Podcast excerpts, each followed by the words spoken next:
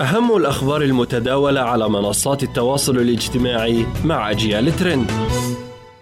شن رواد مواقع التواصل الاجتماعي في مصر هجوما عنيفا على إدارة نادي الإسماعيلي بعد إجبار طفل على خلع قميص نادي الأهلي المصري.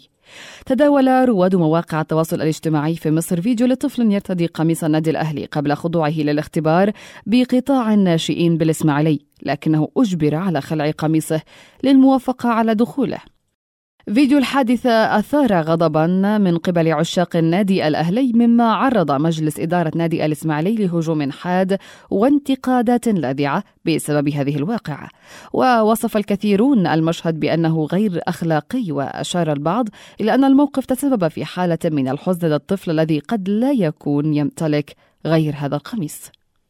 يبدو أن شعبية السجائر الإلكترونية التي تستخدم لمرة واحدة آخذة في الازدياد فهي ذات ألوان زاهية وسهلة الاستخدام وتأتي بنكهة مثيرة من الحلوى إلى التوت الأزرق. تعد تلك السجائر جزءا كبيرا من خطة الحكومة في إنجلترا لمساعدة الستة ملايين مدخن المتبقين على الإقلاع عن التدخين بشكل تقليدي وبحلول عام 2000 وثلاثين.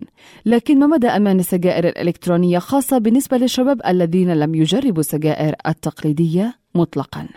السجائر الإلكترونية التي تستخدم لمرة واحدة هي الأحدث في عالم التدخين والأرخص من التقليدية ويمكن استخدام هذه السجائر مباشرة فور شرائها كما يمكن رميها بمجرد الانتهاء منها. السجائر الإلكترونية التي تستخدم لمرة واحدة هي الأحدث في عالم التدخين والأرخص من السجائر التقليدية ويمكن رميها بمجرد الانتهاء منها واستخدامها مباشرة فور شرائها.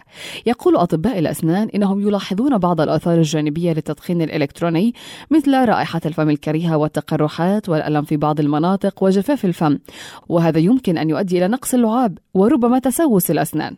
يمكن أن يحدث نزيف اللثة بعد توقف الناس عن التدخين مع تحسن الدورة الدموية وغالبا في نفس الوقت الذي يبدأ فيه التدخين الإلكتروني هناك مؤشر على أن اللثة تعود إلى طبيعتها وليس بالضرورة علامة سيئة.